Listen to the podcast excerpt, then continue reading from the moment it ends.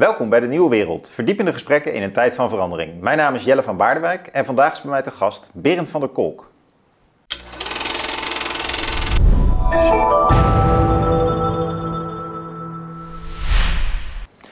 Berend, jij bent meetonderzoeker en uh, je hebt een boek geschreven, leuk boek, um, De Meetmaatschappij, waarin je nog eens het, uh, uh, de gewoonte van bedrijven vooral, organisaties, ook wel publieke organisaties, om alles maar te meten en transparant te maken, uh, kritisch tegen het licht houdt. Maar je bent dubbel over het meten. Dat zie ik ook wel een beetje in de voorkant. Ik weet niet of dat mensen dat ook zullen herkennen, maar het heeft ook iets vrolijks bij jou meten. Het is niet zomaar een afrekening met het meten. Jij werkt ook bij de accountants op de Vrije Universiteit.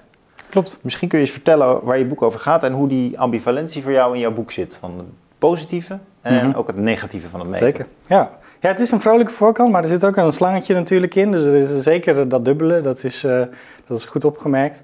Um, nou, misschien eerst in het kort, zeg maar, het boek gaat over natuurlijk waarom meten we zo belachelijk veel. Niet alleen in organisaties, maar ook als mensen. Hè? Dus in organisaties hebben we ja, indicatoren die dan moeten zeggen hoe goed het onderwijs is of hoe goed een ziekenhuis is. En in ons eigen leven heb je apps als Strava die dan zeggen: Oeh, je hebt uh, vijf minuten harder gefietst dan de vorige keer, uh, punt.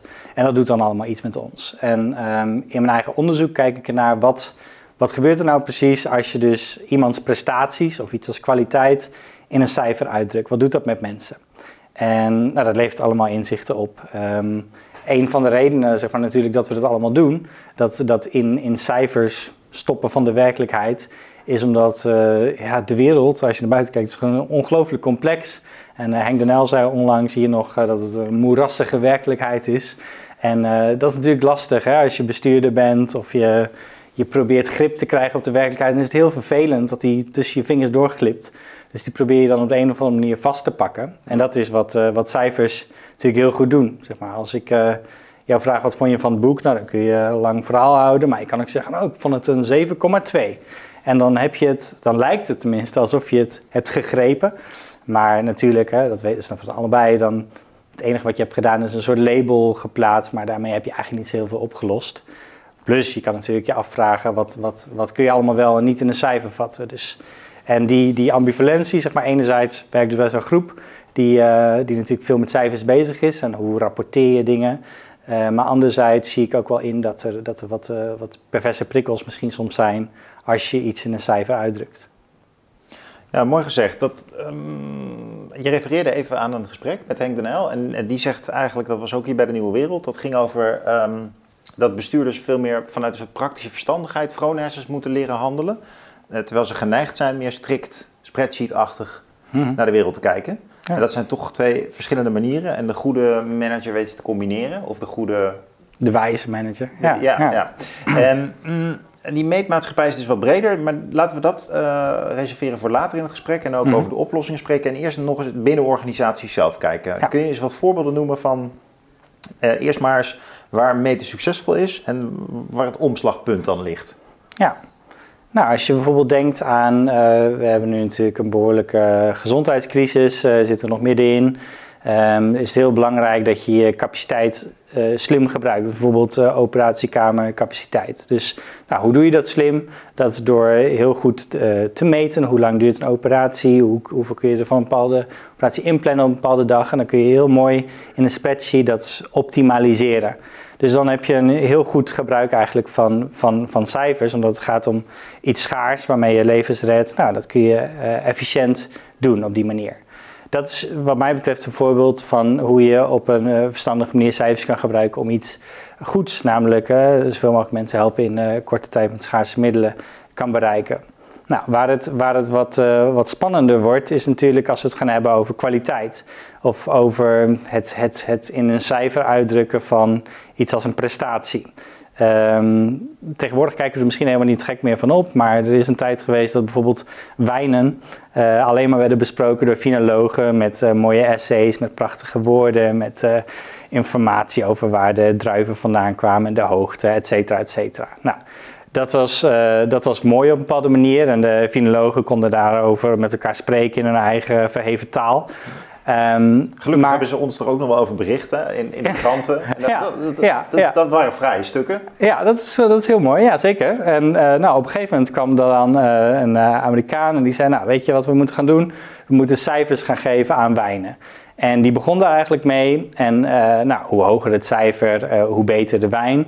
En de grap is dat, het, dat door iets uit te drukken in een cijfer, wordt het veel makkelijker om het over te communiceren. Want jij en ik snappen allebei van, oh, een hoger cijfer is beter dan een laag cijfer, dus die wijn zal beter zijn dan die andere wijn. Dus het lijkt alsof je daarmee iets oplost, alsof je iets heel, heel veel makkelijker maakt. Dus je weet onmiddellijk in de supermarkt welke wijn je moet hebben. Maar in dat proces van een cijfer geven die wijn zitten natuurlijk allemaal ja, subjectieve stapjes. Eh, en dat geldt net zo goed ook voor een ranglijst van de beste middelbare scholen of de beste ziekenhuizen of de beste oliebollententen. Zeg maar, er zitten allemaal subjectieve beslissingen. En die worden eigenlijk onzichtbaar gemaakt op het moment dat zo'n eindcijfer wordt gepresenteerd. Dus als iemand zegt, oh, de beste oliebollentent staat in eh, Vlissingen dit jaar. Of het beste ziekenhuis is het eh, Beatrix ziekenhuis of zo.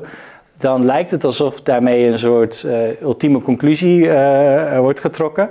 Terwijl ja, in, in zo'n stap van het maken van zo'n cijfer, eh, er zitten natuurlijk allemaal eh, subjectieve keuzes waar je het dan in één keer niet meer over hebt. Of die in elk geval niet worden opgepikt als de krantenberichten de deur uitgaan van oeh, het ziekenhuis is weer de beste van de regio of onze oliebollen zijn weer de beste. Kun je dat nog eens wat afpellen, wat die subjectieve keuze dan kan inhouden? Waar- Ja.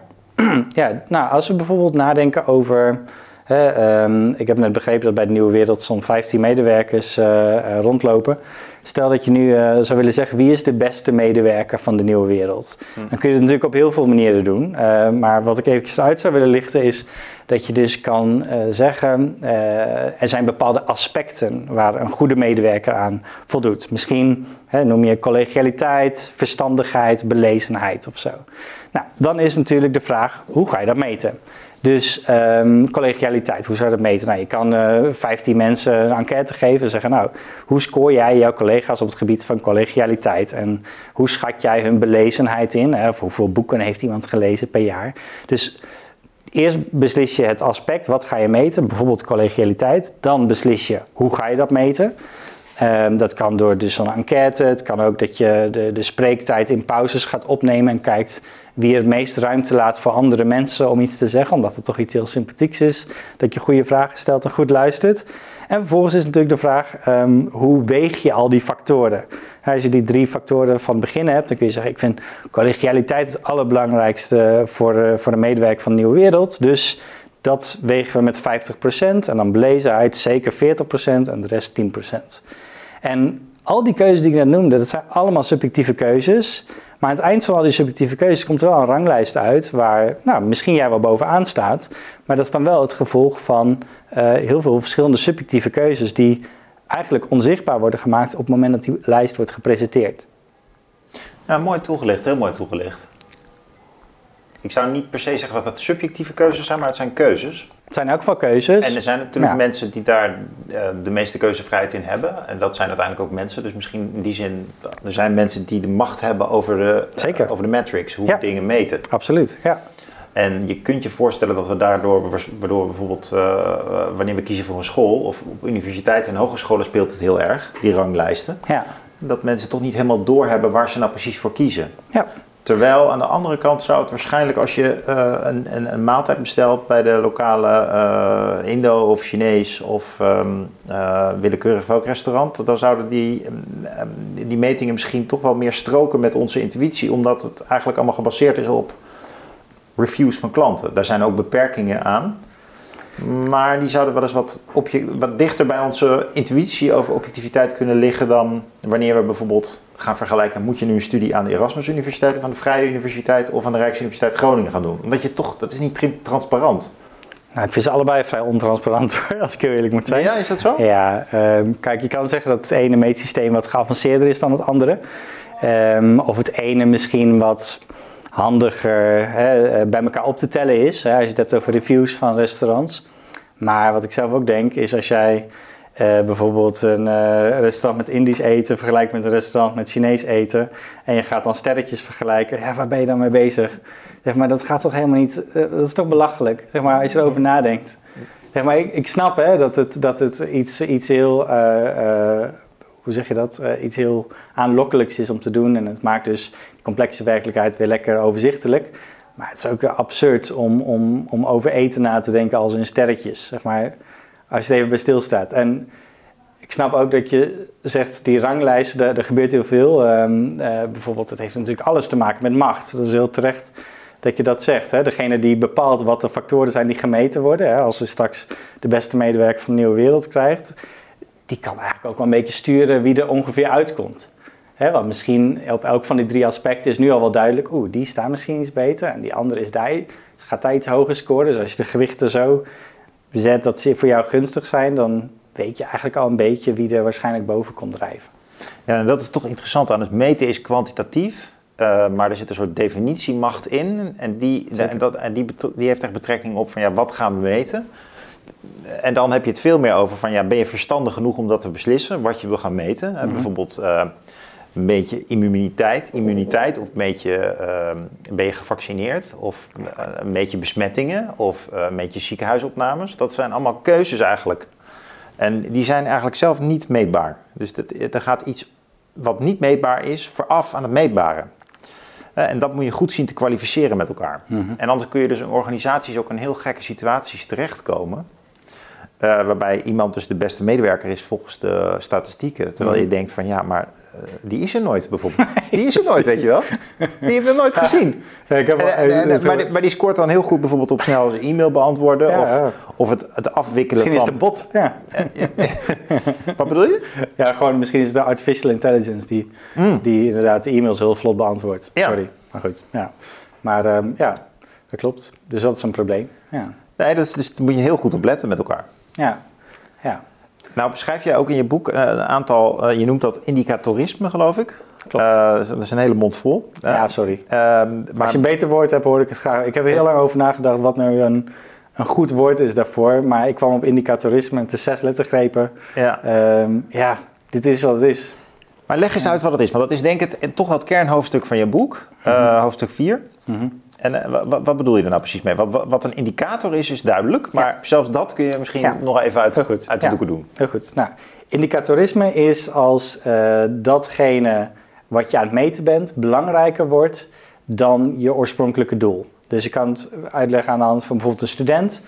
Wat is het doel van studeren hè, aan de universiteit, van de hogeschool of middelbare school, basisschool? Daar zijn dat je dingetjes leert. Dus leren in de breedste zin van het woord is denk ik wat belangrijk is in het onderwijs. Nou, uh, dat kun je dan proberen in een cijfer uit te drukken of in een soort indicator. Namelijk bijvoorbeeld je kan gaan kijken hoe hoog scoort iemand op een rekentoets. Nou, dat is misschien een 8 uit 10 of zo. Of hoe, hoe goed scoor je op je laatste examen? Wat is iemands gemiddelde cijfer? Als dat cijfer, dus die indicator, als dat jouw ultieme doel wordt, ten koste van het leren, dan noem ik dat indicatorisme. Nou, en uh, waar dat bijvoorbeeld gebeurt, is soms als studenten bijvoorbeeld zelf wat keuzeruimte hebben om een vrij vak uh, te kiezen. Um, en ze weten al bijvoorbeeld dat de universiteit waar ze later heen willen, dat die het belangrijk vinden dat ze een hoog gemiddelde hebben. Dan zul je daar een, een soort gedrag tegenkomen dat studenten misschien kiezen voor die vakken waar ze heel hoog mee gaan scoren maar die misschien al dichtbij liggen in de zin van dat ze er al het een en ander van weten. Dus dan ga je eigenlijk heel risicomijdend en vooral gericht op punten scoren je vakken selecteren. In plaats van dat je een vak kiest waar je nog helemaal niks van weet, waar je leercurve veel steiler is, waar je, waar je heel veel nieuwe dingen oppikt, maar waar je het risico loopt op een laag vak. Nou, dat vind ik typisch een voorbeeld van, hè, dan, dan is eigenlijk het middel een doel geworden. Je kan het allemaal namen geven. Het is een soort vervelend strategisch gedrag, of het is gaming, zeggen ze in de Engelse literatuur. Ik noem dat dus indicatorisme als een soort overkoepelende term, omdat het, ik denk dat het niet goed is dat je je dus alleen maar gaat richten op die cijferwerkelijkheid, uh, maar uh, dat je dus je oorspronkelijke, je echte doelen uh, steeds centraal stelt bij die, die dingen die je doet. En dat is niet alleen in organisaties, maar dat is dus ook in ons eigen leven. Ja. Als je alleen maar hard loopt om de om je vrienden te bieden in Strava of zo. Nou, misschien is er dan al iets verschoven. is dat een soort indicatorisme. Nou, het kan ook horen bij een leuk leven dat je juist kiest voor een heel competitief moment. En ook bij vriendschap, maar het kan doorschieten. Zeker, ja. En, en indicatorisme gaat echt over dat doorschieten. Ja, ja en jij, jij onderscheidt nu een vijftal uh, verschillende varianten daarvan. Ik dacht, die kunnen we toch even een beetje aflopen. Zeker, het heel herkenbaar is. Dus uh, die gerichtheid op een makkelijke activiteit, dat zien we wel vaker. Dus bijvoorbeeld in de politiek en op de universiteit, wat je al mhm. schetste. Dus die gaan we nu, ik zal er wel dingen over noemen, maar dan gaan we door naar de tweede. Mm Dus dat betekent dat een politicus zich profileert op een thema waarvan hij denkt, ja, dat is toch, daar kan ik makkelijk uh, de bordjes op verhangen. En dan lijkt het net alsof ik heel erg veel heb bereikt. Mhm. Dus denk aan het genderdebat, mhm. waarbij dan de keuze wordt gemaakt om geachte reizigers rond, rond te roepen in, ehm, in treinen. Dat is een soort van gemakkelijk scoren, hè, terwijl misschien grotere thema's... En welke meting hangt daar aan? Want dat is voor mij wel belangrijk, dat er wel een indicator aan hangt. Ja. Dus dan, zeg maar, omdat het moet gaan over een doorgeslagen gericht op een indicator... Als je zou zeggen, de peiling is de indicator bijvoorbeeld, de, de dagpeiling of de weekpeiling, mhm. whatever... Uh, dan inderdaad, en als je weet van nou, als ik een paar uh, sterke, heftige uitspraken doe, of juist heel, uh, heel politiek correct ergens voor in de bres spring, zogenaamd, dan levert dat me in elk geval een dagwinst op van drie zetels. Dan is dat wat mij betreft indicatorisme, zeker als het ten koste gaat van wat, ja, een stapje terug doen en reflecteren op hoe we een goede samenleving hebben met elkaar. Mooi toegelicht. Um, ja, bij de NS zou je dan kunnen denken aan uh, ja, in, in hoeverre reageren we eigenlijk op de wensen van reizigers. Uh, dat gebeurt denk ik niet zo heel veel, maar in dit geval zou je het dan makkelijk kunnen doen. Maar ik geef toe, dat is misschien niet een heel goed meetvoorbeeld. Uh, het tweede, vermijden van moeilijke activiteiten. Ja. Um, nou ja, wat, wat, ik net noemde eigenlijk. Hè, die, studenten die, studenten die, die, een moeilijk vak laat liggen. Of ik kan, zeg maar, als je naar de basisschool kijkt... Um, als je daar, uh, stel dat wij met z'n tweeën in groep 7 zitten, we mogen allebei een, eh, een, eh, een, spreekbeurt geven, dan zou ik ervoor kunnen kiezen om een thema te doen waar ik in groep 6 al een keer een spreekbeurt over heb gedaan. Um, of bijvoorbeeld een thema waar ik nog helemaal niks van weet. En, dat, en niks van weet, dat is iets moeilijks. Um, waarmee ik wel die indicator, namelijk mijn cijfer, kan verhogen, maar het is wel iets moeilijks. Dus dat kan ik dan laten schieten en in plaats daarvan dus iets makkelijk pakken. Dus vaak gaat het hand in hand. Ik hoop niet dat de kinderen in groep 7 al zo denken. Maar ja, het zal ongetwijfeld bestaan. Ik moest ook uh, mijn, mijn zoon is uh, uh, bijna anderhalf, dus die is nog niet daar naartoe. Dus misschien later hoor je daar meer over. Ehm, die, die, die, dit voorbeeld, toen ik denk aan een ander voorbeeld van in de zorg. In de jeugdzorg bijvoorbeeld zie je wel dat er meer zware problematiek uh, nou, die worden al een beetje buiten de deur gehouden van bepaalde organisaties. Omdat mensen ook wel denken van ja, daar hebben we straks onze handen aan vol. De hmm. oplosbaarheid van het probleem is klein. Dus dan wordt er vermeden wat de moeilijke activiteiten zijn. en, ja. Uh, ja, en dan zie je dus dat het meetinstrument zelf, ja, gewoon iedere cliënt krijgt ongeveer, uh, nou, ik zeg maar even, uh, 1000 euro aan hulp per mm -hmm. kwartaal. nou, dat zal wel veel, veel meer zijn dan dat. En um, ja, dan gaat die, die organisatie gaat dan zelf voorsorteren van dit type klant past in deze financiële sleutel nou, en die niet. Dus dat is dat vermijden wat jij kijk, de, indicatorisme zou noemen. Nou, kijk, het, het boek begint met, eh, met dit verhaal natuurlijk. Uh, je hebt die Walter die uh, aanklopt bij een ziekenhuis. Dat is een uh, oude man, een jaar of tachtig. En die, het is eigenlijk voor de arts duidelijk dat hij moet worden opgenomen. Maar toch besluit het ziekenhuis hem niet op te nemen. Nou, waarom niet? Omdat, en nu komt, nu komt de link met de meetmaatschappij. de ziekenhuisdirecteur wordt beoordeeld, hij krijgt een bonus op basis van de gemiddelde patiëntbeoordeling. De inschatting van de managers in het ziekenhuis is, oeh, als we Walter aannemen, dat is een beetje een probleemgeval, gaat heel veel tijd uh, en energie kosten. Dan hebben de verplegers minder tijd voor de andere patiënten. En dat zou wel als negatieve impact kunnen hebben op de uiteindelijke uh, totaal score van ons ziekenhuis. Dus besluiten ze Walter niet op te nemen en hebben ze een mooie hoge score. Ja. Dus vermijden ze zeg maar moeilijke... Dat is een eng voorbeeld. Um, voordat we het lijstje verder aflopen, waar komt het nou vandaan eigenlijk? Waarom, waarom, waarom zijn organisaties niet meer maatschappelijk verantwoordelijk voor uh, dit soort patiënten? Waarom willen ze meedoen met die meetvergelijkingscultuur? Wat zit daar nou, achter? Stel, stel dat jij directeur bent van een organisatie en er is er wordt jaarlijks een lijst gemaakt met wat goede organisaties zijn. En jij staat, je bungelt de hele tijd onderaan. Of uh, je denkt van nou, ik ben een middenmotor, maar ik wil ook wel eens een keertje bovenaan. Dan ga je toch eens kijken van nou, hoe worden die lijstjes samengesteld? Dan ga je, eh, of en zeker als jouw, eh, beloning er uiteindelijk van afhangt, of jouw toekomstige carrièreperspectieven.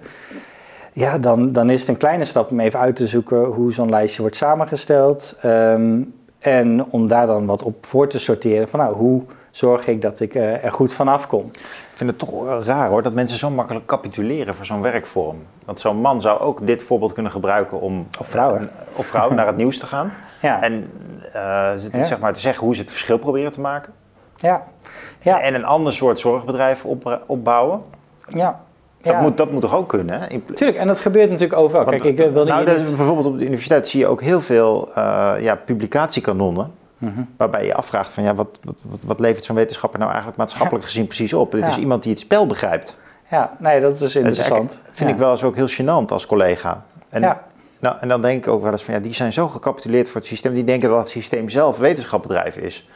Ja. Eh, een soort doelmiddelenverwisseling die dan plaatsvindt. Kijk, je moet er denk ik wel wat dingen natuurlijk uit elkaar halen daar. Eh, je hebt mensen die veel publiceren, die uh, hartstikke goed, goede, wijze dingen schrijven. En daarvan denk ik, nou, hartstikke fijn. Maar er was toevallig van de week op Twitter, hè, het gebeurt allemaal op Twitter, als iemand die zei...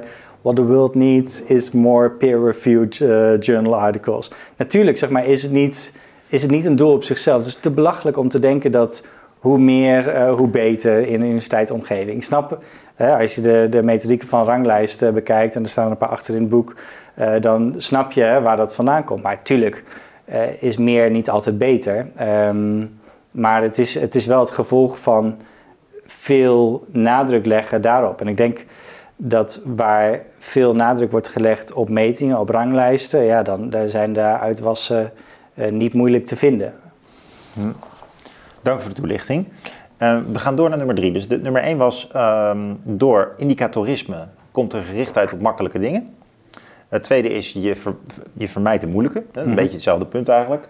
Uh, hoewel de voorbeelden laten zien dat het wel degelijk te onderscheiden is. En het derde is dan echt korte termijn denken. Mm -hmm. Nou, iedereen heeft er wel een voorbeeld van, maar ben benieuwd. Lichte mystiek. um, even denken. Stel dat ik bijvoorbeeld, um, ja, het is een cliché om, uh, om, om autoverkopers te noemen, om, uh, laten we zeggen fietsenverkopers. Laten we zeggen dat we een fietsenverkoper hebben die, um, die door zijn of haar leidinggevende wordt beoordeeld op het aantal fietsen dat hij verkoopt. Dan kun je natuurlijk, ja, als je een beetje oude fiets hebt waarvan de fietsmaker zelf al weet, een beetje gammel, maar uh, mensen hebben veel vertrouwen in mij, dus ik... Um, ik kan er wel voor zorgen dat ik deze fiets verkoop. Een goede verkoper kan alles uh, verkopen. Dus die gaat dat misschien proberen. Misschien kom ik die winkel binnen. Ik ben zeker niet technisch en je kan mij veel wijs maken op dat gebied. Dus nou, die, die raakt zijn fiets kwijt. Die haalt misschien zijn target van 50 fietsen per week verkopen of zo. Maar ik kom er na een week achter dat die fiets eigenlijk toch niet, toch niet was wat die, die fietsverkoper mij beloofde. Nou, dan heeft hij fietsverkoop misschien op korte termijn wel hup, zijn target gehaald van 50 fietsen verkopen.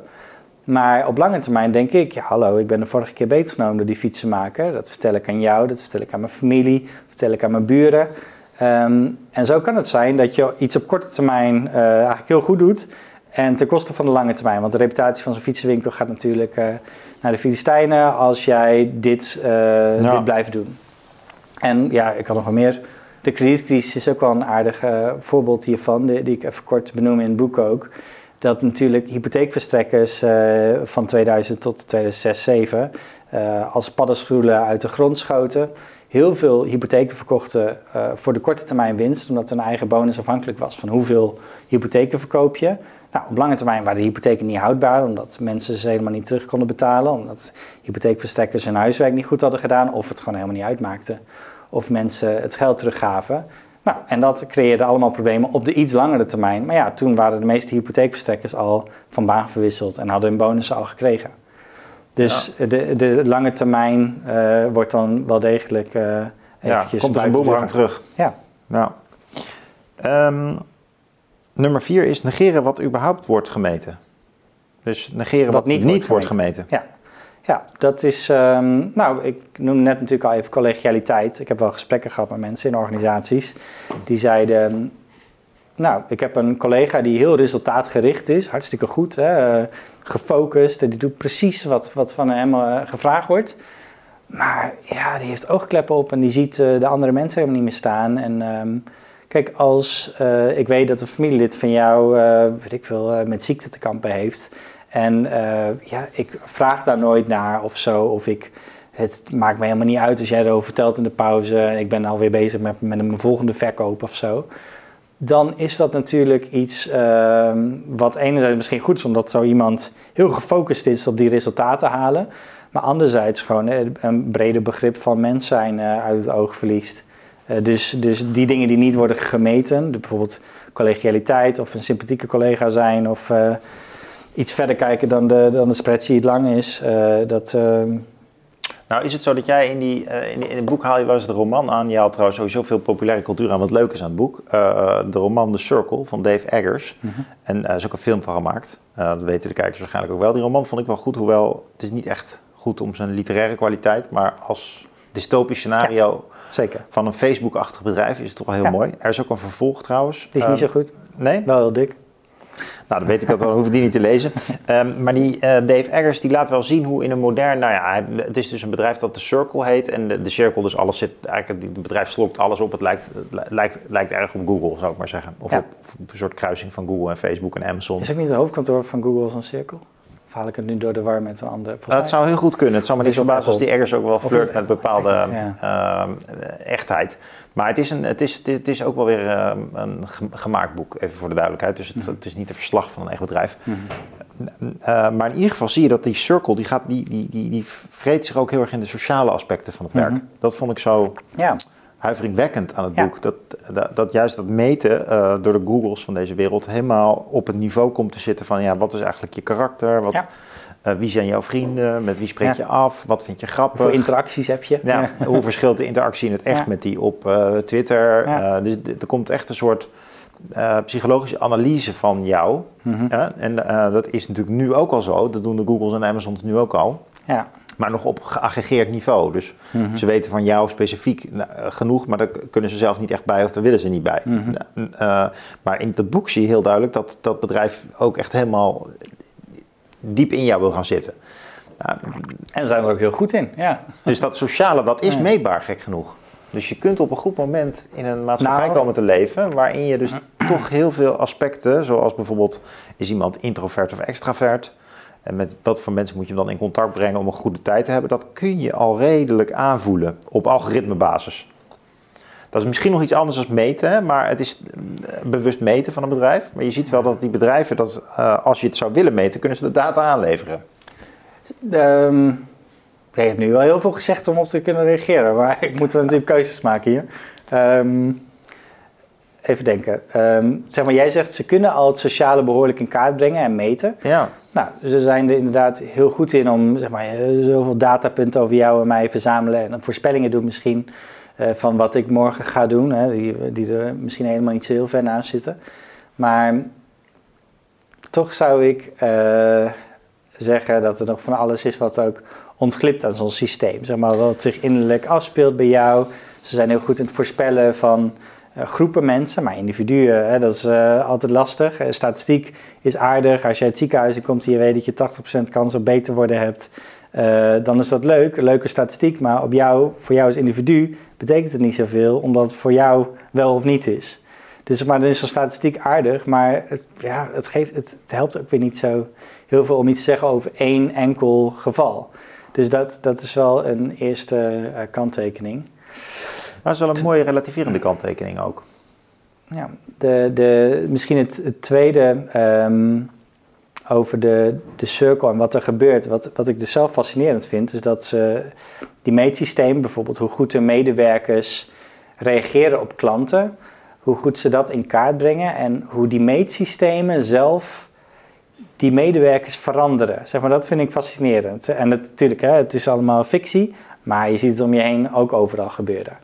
Ehm, als je kijkt naar die, uh, die vrouw die door Emma Watson gespeeld wordt in de film, uh, die komt natuurlijk dat bedrijf binnen en die wordt dan de hele tijd gemeten. En uh, op een gegeven moment beschrijft, ze, beschrijft de Eggers ook in het boek dat ze helemaal, ja, dat ze enorme boost krijgt van al die geweldige evaluaties. En ze scoort al 97, 98 punten op haar eerste dag uit 100. Nou, dat is uniek voor iemand.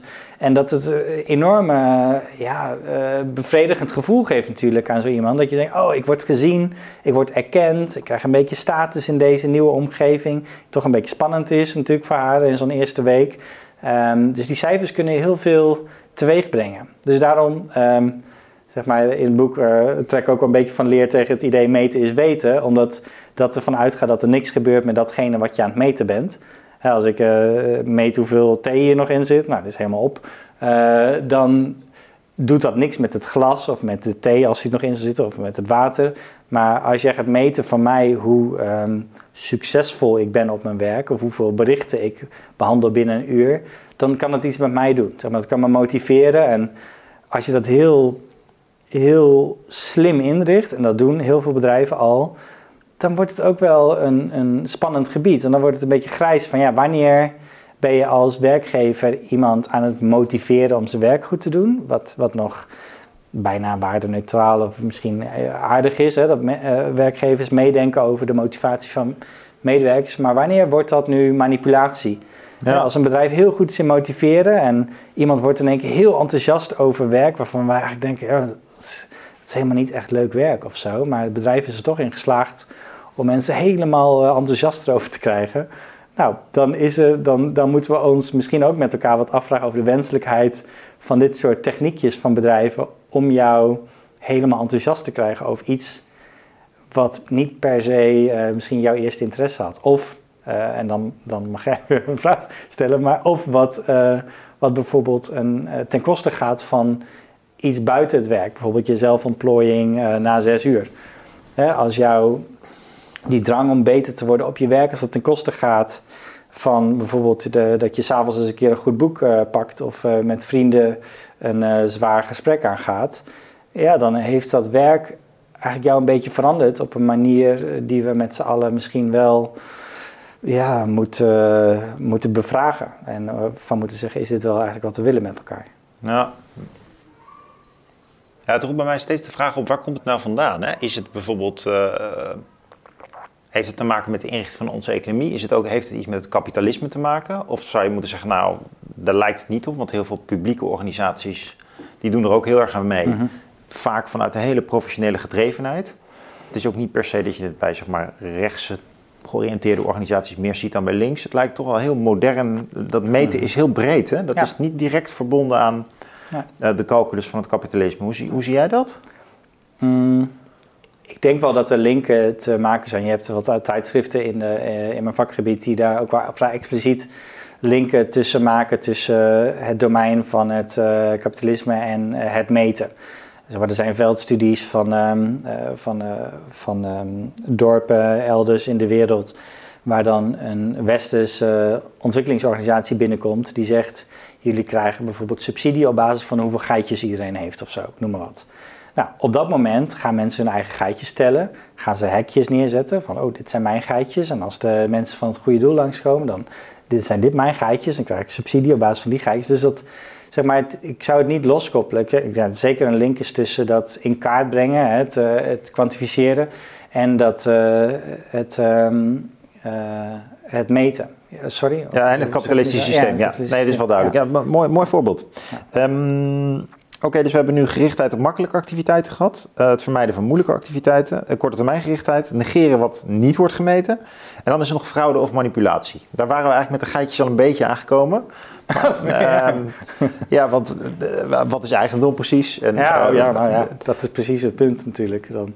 Um, ja, fraude en manipulatie, kijk, dat is natuurlijk als een cijfer heel belangrijk wordt. En iedereen gaat ontzettend zijn best doen om dat cijfer te halen en op een gegeven moment blijkt misschien wel, we halen dat cijfer eigenlijk niet op een normale manier. Uh, nou, in de sport zou je dan uh, aan doping kunnen denken natuurlijk. Uh, um, nu we midden in de Olympische Spelen zitten, is dat een leuke vraag om te stellen. Um, maar um, in, in het bedrijfsleven bijvoorbeeld, noem ik in het boekje ook die, de CEO van Volkswagen, die heel het geroepen heeft vanaf 2007, 2008. Volkswagen Groep, er vallen heel veel merken onder, moet de grootste autoproducent ter wereld worden. Nou, daar doet hij ontzettend hard zijn best voor. Tegelijk ontstaat er ook een soort cultuur van angst in de toplagen van het bedrijf, bij de onderzoeksafdelingen. En we kennen allemaal natuurlijk het dieselschandaal, wat daar uiteindelijk ook het voort is gekomen. Ik zeg niet dat cijfers leiden tot een dieselschandaal, maar ik zeg wel dat cijfers en die extreme gerichtheid op het worden van, het, van de grootste autoproducent bijvoorbeeld ter wereld, dus half jaar lang is dat gelukt. Uh, waren ze iets groter dan Toyota, uh, maar daarna niet meer. Um, maar, um, dus die gerichtheid daarop heeft er dus wel toe geleid dat dat cijfer behaald werd. Maar goed, ten koste van de, de ethiek van de organisatie bijvoorbeeld. Of ten koste van Ja, het was echt- milieu. Ja. Zeg maar, want er, zijn nu allemaal auto's de markt opgebracht waarvan mensen dachten, oeh, een mooie zuinige auto die ook nog een beetje goed is voor het milieu. Of tenminste niet heel Ja, een mooie zuinige diesel. Ja. Ja, ja. Nee, dat was eigenlijk heel heftig voor ze. En dan zie je dat een, een, een scherp doel ook fraude in de hand kan werken. Kan maar beter realistisch zijn in je doelen. Dus dan komen we weer op dat thema van verstandigheid. En Daar had ik ook nog wel een vraag over. Namelijk als je nu kijkt naar de ehm, beleidsethiek en ook wel bedrijfsethiek in Nederland... dan valt mij op dat veel organisaties graag zeggen... eh, we kunnen hier niet alles meten. Mhm. Uh, maar we hebben wel uh, training, casuïstiek. We hebben ook wel codes. Dat zijn vrijblijvende vormen waar je samenwerkt. Dus dat je, je, je hanteert een code bijvoorbeeld uh, over wat voor soort personeel je aanneemt. Mm -hmm. man, vrouw, migratieachtergrond. Ja. Um, maar het kan om alles. Het kan, het kan bijvoorbeeld ook een code over um, op de carrière ladder lopen. Dat mensen die binnen bedrijven omhoog groeien, die beginnen begin op de werkvloer dan ook uiteindelijk carrière kunnen maken. En niet altijd de pas wordt afgeschreven, afgesneden door de, de academici die dan uh, schuin inkomen met een carrière van 25, kun je codes op ontwikkelen. En je merkt dat in de bedrijfsethiek en de beleidsethiek men graag zegt, ja maar wij zijn, dat doen we wel wat, maar we zijn eigenlijk value driven. Wij zijn, wij zijn georiënteerd hier op verstandigheid. Mm -hmm. En dat kun je toch met codes en afspraken en meten, kun je, kun je niet alles meten. Hè? Dus uh, wij zijn waardegedreven. En dan zie je, mm -hmm. vind ik wel eens dat Nederland, uh, zeker Nederlandse bedrijven, wel eens wat gemakkelijk denken over uh, dat je het proberen het goede te doen, dat je dat niet in kaart kan brengen. Mm -hmm. En er zijn ook wel Kun je een voorbeeld geven? Um, nou, bijvoorbeeld uh, omgaan met integriteit. Dus wat, wat, wat er, wordt er precies gedaan om uh, belangenconflicten te vermijden. Mm -hmm. uh, hoeveel, hoeveel belangenconflicten zijn er eigenlijk? Mm -hmm. Bijvoorbeeld bij uh, mensen in gemeenteraden, mm -hmm. politici ook trouwens. politici, ja. belangenconflicten met, met bepaalde industrieën.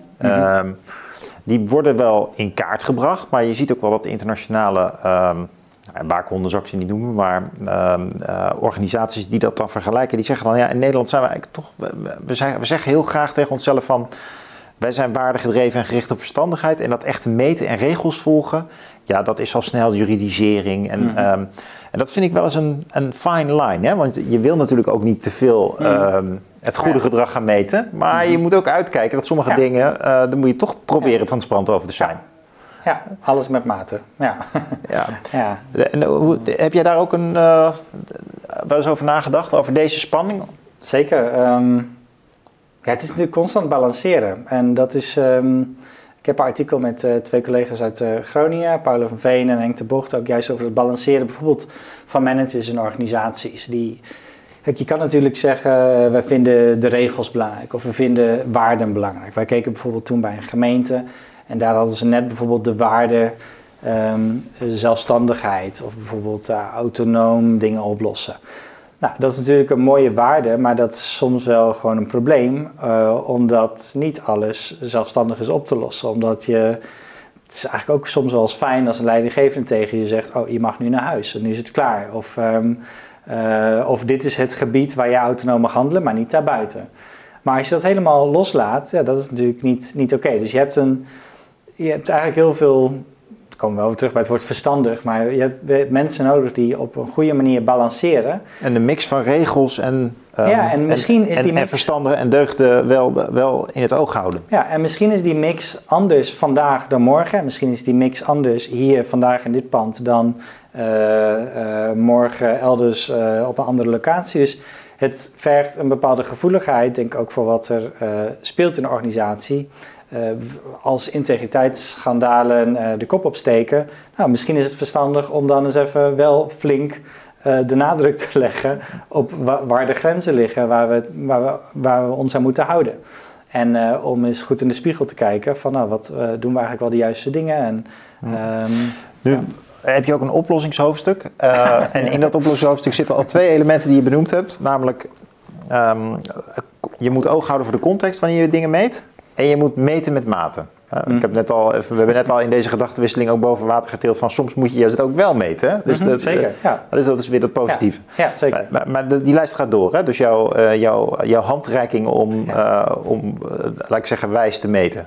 Wel, welke dingen noem je nog meer behalve die context en, en het met mate meten? Misschien is het goed als ik eerst nog een, een soort voetnoot plaats bij, bij het idee van oplossingen hoofdstuk. Omdat het, het is een hoofdstuk waarin ik probeer zeg maar niet het boek te eindigen met uh, alles is uh, vervelend en meetsystemen maken alles kapot. Zeg maar, dat is helemaal niet mijn boodschap. Um, mijn boodschap is eerder, nou, uh, meetsystemen inderdaad kunnen goede dingen teweeg brengen, maar ook verkeerde dingen. En er is niet één oplossing voor hoe we, dat, ja, hoe we de wereld mooier maken of zo. Maar er is wel denk ik, een verschil in houding uh, nodig. Niet alleen bij directeuren, maar misschien ook in gewoon iedereen. Als interpreteerder van ranglijsten die we morgen weer in de krant lezen. Of als interpreteerder van, van cijfers die we, die we uh, krijgen in onze organisatie van anderen. dus, um, ja, dus ja, dus, dus het gaat mij om die houding, dus niet een soort totale oplossing. Um, misschien één ding wat ik er nog uit wil halen is um, uh, dat op het moment dat je dus iets gaat meten in je organisatie, als je bijvoorbeeld kwaliteit belangrijk vindt, en dat lijkt me terecht dat je als organisatie uh, druk maakt over kwaliteit, dan begrijp ik dat je dat, dat je dat in kaart wil brengen, dat je daar iets over wil zeggen, misschien zelfs meten, misschien ook klanten een soort evaluatie wil laten invullen. Maar het lijkt mij goed om, als je dat dus doet, om niet alleen bijvoorbeeld te vragen aan klanten waar zouden we op moeten letten, maar om zo'n indicator te ontwerpen samen met allerlei mensen uit jouw organisatie. Waarom? Um, omdat uh, dat gesprek over wat is nou eigenlijk kwaliteit, is denk ik veel interessanter dan die uiteindelijke meting of je scoorde. Denk als jij met mensen, nou nogmaals, hè, hier bij de Nieuwe Wereld, als je het er hebt over van wat doen wij? Wat, wat doet de ideale versie van de nieuwe wereld? Wat, wat brengt die teweeg in Nederland? Uh, dat gesprek, volgens mij, en de bewustwording van iedereen die daarmee te maken heeft, is volgens mij veel belangrijker dan of je uiteindelijk een 7.3 of een 8.1 of uh, whatever scoort op, uh, op een paar vraagjes die jij mensen of, ja, of klanten, klanten voorlegt. Dus dat gesprek, aan het einde noem ik ook wel vanuit. Nou, een cijfer zou je niet als een rapportcijfer zeg maar, moeten zeggen: Oh, dat is het einde van een gesprek. Of nu weten we hoe het zit. Nu weten we hoe goed je bent. Of nu weten we hoe goed het product is. Of het ziekenhuis of de oliebol. Maar uh, dat cijfer zou eigenlijk een aanleiding moeten zijn voor een gesprek. Namelijk over wat vinden we eigenlijk belangrijk aan een goed ziekenhuis. Nu werk jij bij de accountants op de Vrije Universiteit. En um, niet alleen de accountants, maar um, er zitten volgens mij wel meer soorten economen in jouw collegezaal. En ik kan me voorstellen dat die uh, dit een ingewikkeld advies vinden. Um, hoe probeer je die accountants en die, die, die, die, die mensen die de financiële verslaglegging van een, uh, van een bedrijf intern doen, hoe probeer je die eigenlijk te motiveren om de, de, die, die bredere dialoog aan te gaan over wat ze nu eigenlijk aan het verslaan zijn in, hun, in hun balans en, en naar wie ze eigenlijk ook rapporteren? Mm-hmm. Dus, dus de, de, aan de ene kant de Belastingdienst, aan de andere mm-hmm. kant de, uh, het bedrijf waarin ze werken, de, de mm-hmm. afdeling, de, de, de CFO uiteindelijk. Ja. Hoe, hoe, zijn ze daar ontvankelijk voor? Of hoe? Absoluut. Nee, kijk, als iemand uh, begrijpt wat de beperkingen zijn van cijfers, hoop ik, dan zijn dat die mensen die ze produceren. Want die, die zien natuurlijk. Uh, uh, hoe die worden opgebouwd, hoe alles wordt geaggregeerd tot een cijfer, hoeveel aannames er in al die systemen zitten. Ja, als je dat allemaal ziet, dan lijkt me het sterk dat je daar niet een beetje sceptisch over bent. Ik had van de week, dat was wel leuk, want je zei van, nou, zijn die ontvankelijk voor of je collega's of studenten? Ik las van de week een artikel en daar werd gezegd, nou, de maatschappelijke kosten van dit en dit worden geraamd op, ik veel, 14 miljard. Nou, volgende zin. Maar dit soort cijfers moeten we natuurlijk altijd met, enige, enige, uh, met een sceptische houding benaderen. Dat ik, ah yes, dit is precies wat ik bedoel. Want dit, je wil dit. Dat, dat mensen, nou, je mag best een schatting maken. Maar natuurlijk is het belangrijk om te onthouden dat het een schatting is. Dat je heel veel dingen niet weet. Um, uh, dat er allemaal haken en ogen zitten aan het maken van iets of het rapporteren van iets in een, in een cijfer. Maar misschien, uh, je noemde specifiek nog de accountants. Ik denk dat als er één beroepsgroep is die op dit moment het gesprek aan het voeren is over uh, wat doen we eigenlijk als we iets in een cijfer uitdrukken, dat dat wel accountantsorganisaties zijn. Nou, waarom zou je misschien denken? Want ja. die doen toch al honderd jaar uh, hetzelfde. Dat is niet helemaal waar, want die, ik denk dat nu steeds meer op hun bordje komt te liggen op het gebied van uh, fin niet-financiële verslaggeving. Dus hoe eh, hoe groen is een onderneming of hoe duurzaam eh, is een onderneming. En steeds meer wordt daar in kaart gebracht wat er gerapporteerd moet worden door die ondernemingen. En ja, natuurlijk ontgaat dat de accountants niet dat, dat, dat het iets lastigs is om in cijfers uit te drukken en om vervolgens ook nog als accountant te zeggen, uh, inderdaad, deze organisatie is heel groen bezig. Alleen al, hè, je hebt organisaties die natuurlijk groen in de boekjes komen. We kennen allemaal de grote namen, de organisaties uh, waar we het waarschijnlijk over uh, gaan hebben in de komende twee minuten. Maar die dan zeggen, oh, onze CO2, onze voetafdruk is uh, verlaagd. Nou, hoe hebben ze dat gedaan? Door gewoon een aantal activiteiten buiten Nederland te plaatsen. Of een aantal activiteiten die transport wat uit te besteden, et cetera. Nou, dan, dan, dan is het in één keer niet meer zichtbaar, heb je dat weer, in jouw verslagje. Maar dan is het probleem natuurlijk nog steeds, heb je misschien niet eens opgelost. Sterker nog, misschien heb je het wel verergerd als jij het uitbesteedt aan iemand die, eh, die oudere auto's heeft eh, dan jij en daarmee gaat rondrijden. Maar heb je je imago opgepoetst? Zeker, ja. En, dat is en, die accountants, en die accountants kunnen, ja, greenwashing, natuurlijk een probleem. Maar die accountants kunnen eigenlijk helpen dus door dat soort dingen te berekenen ook zichtbaar te maken welke stappen er wel worden gezet. En een onderbouwing te geven in plaats van een, een vlag als reclame op de mhm. toren. Ja, en een kritisch weerwoord als, als dit soort dingen gebeuren. Zeg maar, als, als organisaties dit doen, dan denk ik dat er ook, uh, wij als maatschappij natuurlijk ook moeten zeggen, nou, de, we hebben hier wat cijfers liggen, maar uh, joh, hoe heb je dit eigenlijk gedaan? Want uh, het is bijna onmogelijk. Hoe komt het dat jullie bijna geen CO2 uitstoten terwijl jullie een transportbedrijf zijn of zo? dat is toch een beetje gek. dus, ja, dus het gesprek daarover, goh, hoe kom je tot dit cijfer? Uh, is belangrijk. En denk dat accounts daarin kunnen helpen, omdat die, denk ik, als geen ander zien um, de aannames die er aan de grondslag liggen. Dus ik hoop op, uh, ja, op meer daarvan. En bij de VU zijn we er ook mee bezig hoor. Dus dat, een thema wat uh, ook komend jaar wordt opgepikt. Ja, er zijn, er zijn wel veel mensen bezig met dat integrated reporting of proberen te kwantificeren wat eigenlijk niet kwantificeerbare dingen zijn. Dus inderdaad bijvoorbeeld integriteit, duurzaamheid, gender, dat soort dingen. Uh, uh, maar het is vooral ook weer zoiets waar iedereen over, veel over praat. Ja. Het, het, zou leuk zijn om voorbeelden te horen van ja, daar, daar lijkt het ook wel te werken. Mm -hmm. Dus uh, in die zin is het, is het meten echt een slang. Hè? Die kruipt zo overal ja, heen. Zeker, ja, um, absoluut. de meetcultuur zegt zelf, dat gaat helemaal lukken. Ja. Maar als je er uh, zelf als werknemer mee te maken hebt, dan denk ik ook wel eens van ja, dat, dat, het, het blijft ook gewoon weer barstig. Ja, ja. Zeker. Nee, en het is, nogmaals, het is niet simpel of zo. Er zijn niet simpele oplossingen. En, uh, uh, Kan je iets noemen van een heel leuk ding waarvan jij dacht, het is nou echt gaaf dat dat gemeten is? Of iets dat je, dat je dacht van, hé, hey, dat is een soort... Um, ik had bijvoorbeeld, toen ik voor de eerste Strava-app gebruikte, dacht ik best van, hé, hey, wat leuk, ik kan nu van vrienden zien hoe lang ze over hetzelfde rondje doen. ik, ik, ik, kan niet ontkennen dat ik dat gewoon wel... Het is ook leuk, ja, natuurlijk. Ja, dat is inspirerend iets, vond. Iets grappigs, ja. Het is iets, uh, iets aardig om te zien en het, uh, nogmaals, ik denk dat ook... Het kan bijvoorbeeld helpen om in contact te komen met mensen. Ik weet, uh, we hebben, of ik heb er een maand meegedaan met bijvoorbeeld de Ommetje-app met mijn familie. Nou, dat is hartstikke grappig hè, dat je ziet wanneer wie een Ommetje loopt dat is gewoon leuk. Dus als de manier is om met elkaar in contact te, blijven, terwijl je wat verder bij elkaar vandaan woont, nou, dan is dat grappig. En dat kan soms een leuk begin zijn van, van weer een contact of een gesprek bijvoorbeeld met elkaar. Dus dat, ik vind dat, dat aspect aan iets als ommetje vind ik heel grappig. En Strava heeft dat natuurlijk ook, dat sociale. Um, het wordt natuurlijk spannend als je, als je het heel serieus gaat nemen. En het het geniepige aan die meetsystemen is dat het vaak heel subtiel gaat. Dus uh, misschien begin je met het idee, oh, ik vind het leuk om met mijn vrienden in die app te zitten.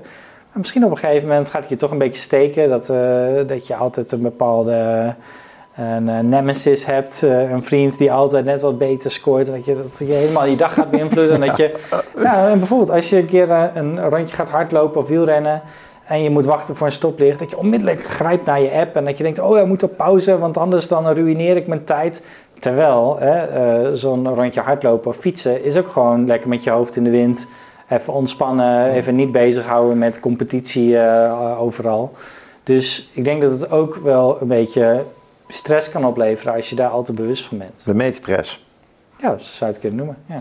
Beren, mooi dat je hier was om te vertellen over je boek, De Meetmaatschappij. Leuk hier te zijn. Ik denk dat mensen het uh, zelf ook wel zullen gaan lezen. Als ze het gesprek leuk vinden, kan dat ik uh, zeker uh, aanbevelen. Dus, Dankjewel.